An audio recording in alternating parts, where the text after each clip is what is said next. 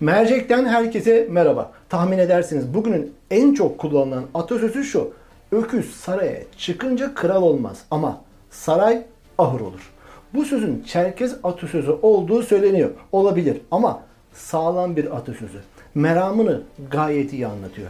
İşte bu atasözünü popüler yapan bugünkü bir gelişme oldu.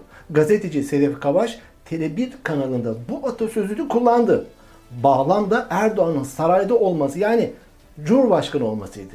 Derhal rejim çarkları işledi. Sedef Kavaş gözaltına alındı. Hem de gece yarısı evi basılarak. Suçlama ise Cumhurbaşkanı'na hakaretti.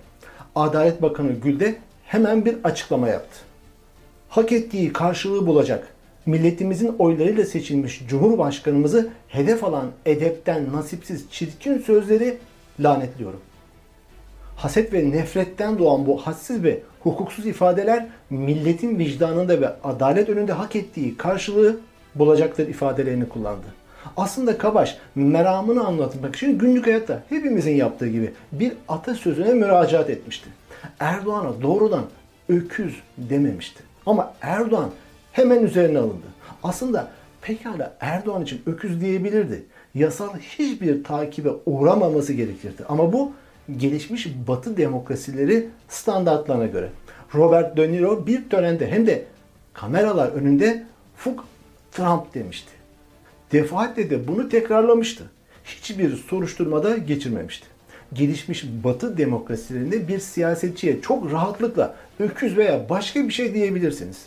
Seçmen öfkesini bu şekilde ifade edebilir. Başına da hiçbir şey gelmez. Siyasetçi bunu bilerek siyasete girer. Ama burası Türkiye.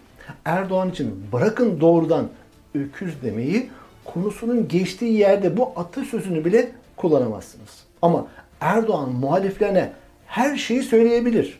Haşhaş, iblis, kan emici, vampir gibi. Daha uzatmam mümkün ama uzatıp dilimi kirletmeyeyim. Bu arada antır parantez şunu söyleyeyim. Erdoğan'ın bu kadar zengin bir hakaret ve küfür literatürüne sahip olması ezikliğini ve aile terbiyesi almadığını da gösteriyor. Burada parantezi kapatayım. Bir başka merceğin konusu olsun bu. Erdoğan istediği gibi size küfredebilir ama siz ona ima bile edemezsiniz. Atasözü bile kullanamazsınız. Şimdi hangi cumhurbaşkanı kaç hakaret davası açmış kısaca bir bakalım. Süleyman Demirel 158 dava. Ahmet Necdet Sezer 163 dava. Turgut Özal 202 dava. Kenan Evren 340 dava. Abdullah Gül 848 dava ve Tayyip Erdoğan 38.581 dava. Evet yanlış duymadınız. 38.581 dava. Ağustos 2021 tarihi itibariyle bu rakamlar. Rakamlar böyle ama Erdoğan uluslararası medyada kendisine hakaretten dolayı kimse hakkında işlem yapılmadığını da söylüyor. Söyleyebiliyor. Üstelik soruyu soran gazeteciyi bunlara nasıl inanıyorsunuz diye suçlayabiliyor. İşte bildiğiniz Erdoğan. Şimdi gelelim meselenin bir başka boyutuna. Bu söz ve gözaltı tam da Erdoğan'ın Sezen Aksu için Talibanca söylediği sözlere denk geldi. Erdoğan camide cuma namazından sonra imamın elinden mikrofonu alarak bir konuşma yaptı. Ve Aksu için Hazreti Adem Efendimiz'e kimsenin dili uzanamaz. O uzanan dilleri yeri geldiğinde koparmak bizim görevimizdir dedi. Sanki Kur'an hakkında hakara makara diyen egemen bağışı kendisi büyükelçi yapmamış gibi. Neyse havuz medyası bu dil koparma haberini görmedi. Aldığım kulislere göre Erdoğan bu dilini koparma sözünü spontan söylemiş. İletişim Başkanı Altun da medyaya yayınlanmaması konusunda uyarmış. Dolayısıyla havuz medyası bu skandal ifadeyi görmedi. İlginçtir. Sözcü de görmedi. Gazeteci Bülent Korucu attığı tweette bu konuyu iyi yakalamış. Erdoğan'ın camide Sezen Aksu'nun dilini koparırız açıklaması yandaş medyada ilk sayfalarda yok. Sözcüde niye yok? O da mı Fahrettin Altun'a bağlı? Kim bilir belki de bağlıdır. Bu Erdoğan ile ulusalcı Kemalist işbirliğinin net örneklerinden biri oldu. Neyse Saray Propaganda Bakanı Fahrettin Altun haberi yaptırmadığına göre dil koparma ifadesi plansız bir şekilde çıkmış diyebiliriz. Tabii ki bu Erdoğan'ı aklamaz. Aklamaz çünkü Bu ifade için Aksu'dan özür dilemedi. Maksadımı aştım demedi. Geri adım atmadı. Bunları söylerken güldüğünüzü görüyorum. Ne özrü ne geri adım atması diyorsunuz. Evet haklısınız. Erdoğan bu. İşin gerçeği bir insanın içinde ne varsa o dışarı çıkar. Devri iktidarında iktidar ortakları dışında tehdit etmediği kimse kalmadı. Muhalif kimi görse dilini de koparmak ister, kafasını da. Hapisleri de tıkar, tıktı da. 15 Temmuz'da kafası kesilerek öldürülenleri unutmadık.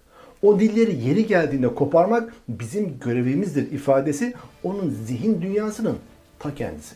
Yani Taliban zihniyeti. Kendisini hukuk ve insan haklarını hiçe sayarak cezalandırma mevki olarak görüyor. Dil koparmak göreviymiş. Bu sözleri icranın başı olan Erdoğan'ın söylemesi önemli. Önemli çünkü bunu yapmaya muhtedir. Bu işin icrasını yaptıracak yüzlerce o gün samaslar var sokaklarda. Ayrıca işitçiler ve mafya harekete geçmek için Erdoğan'ın bir emrine bakar.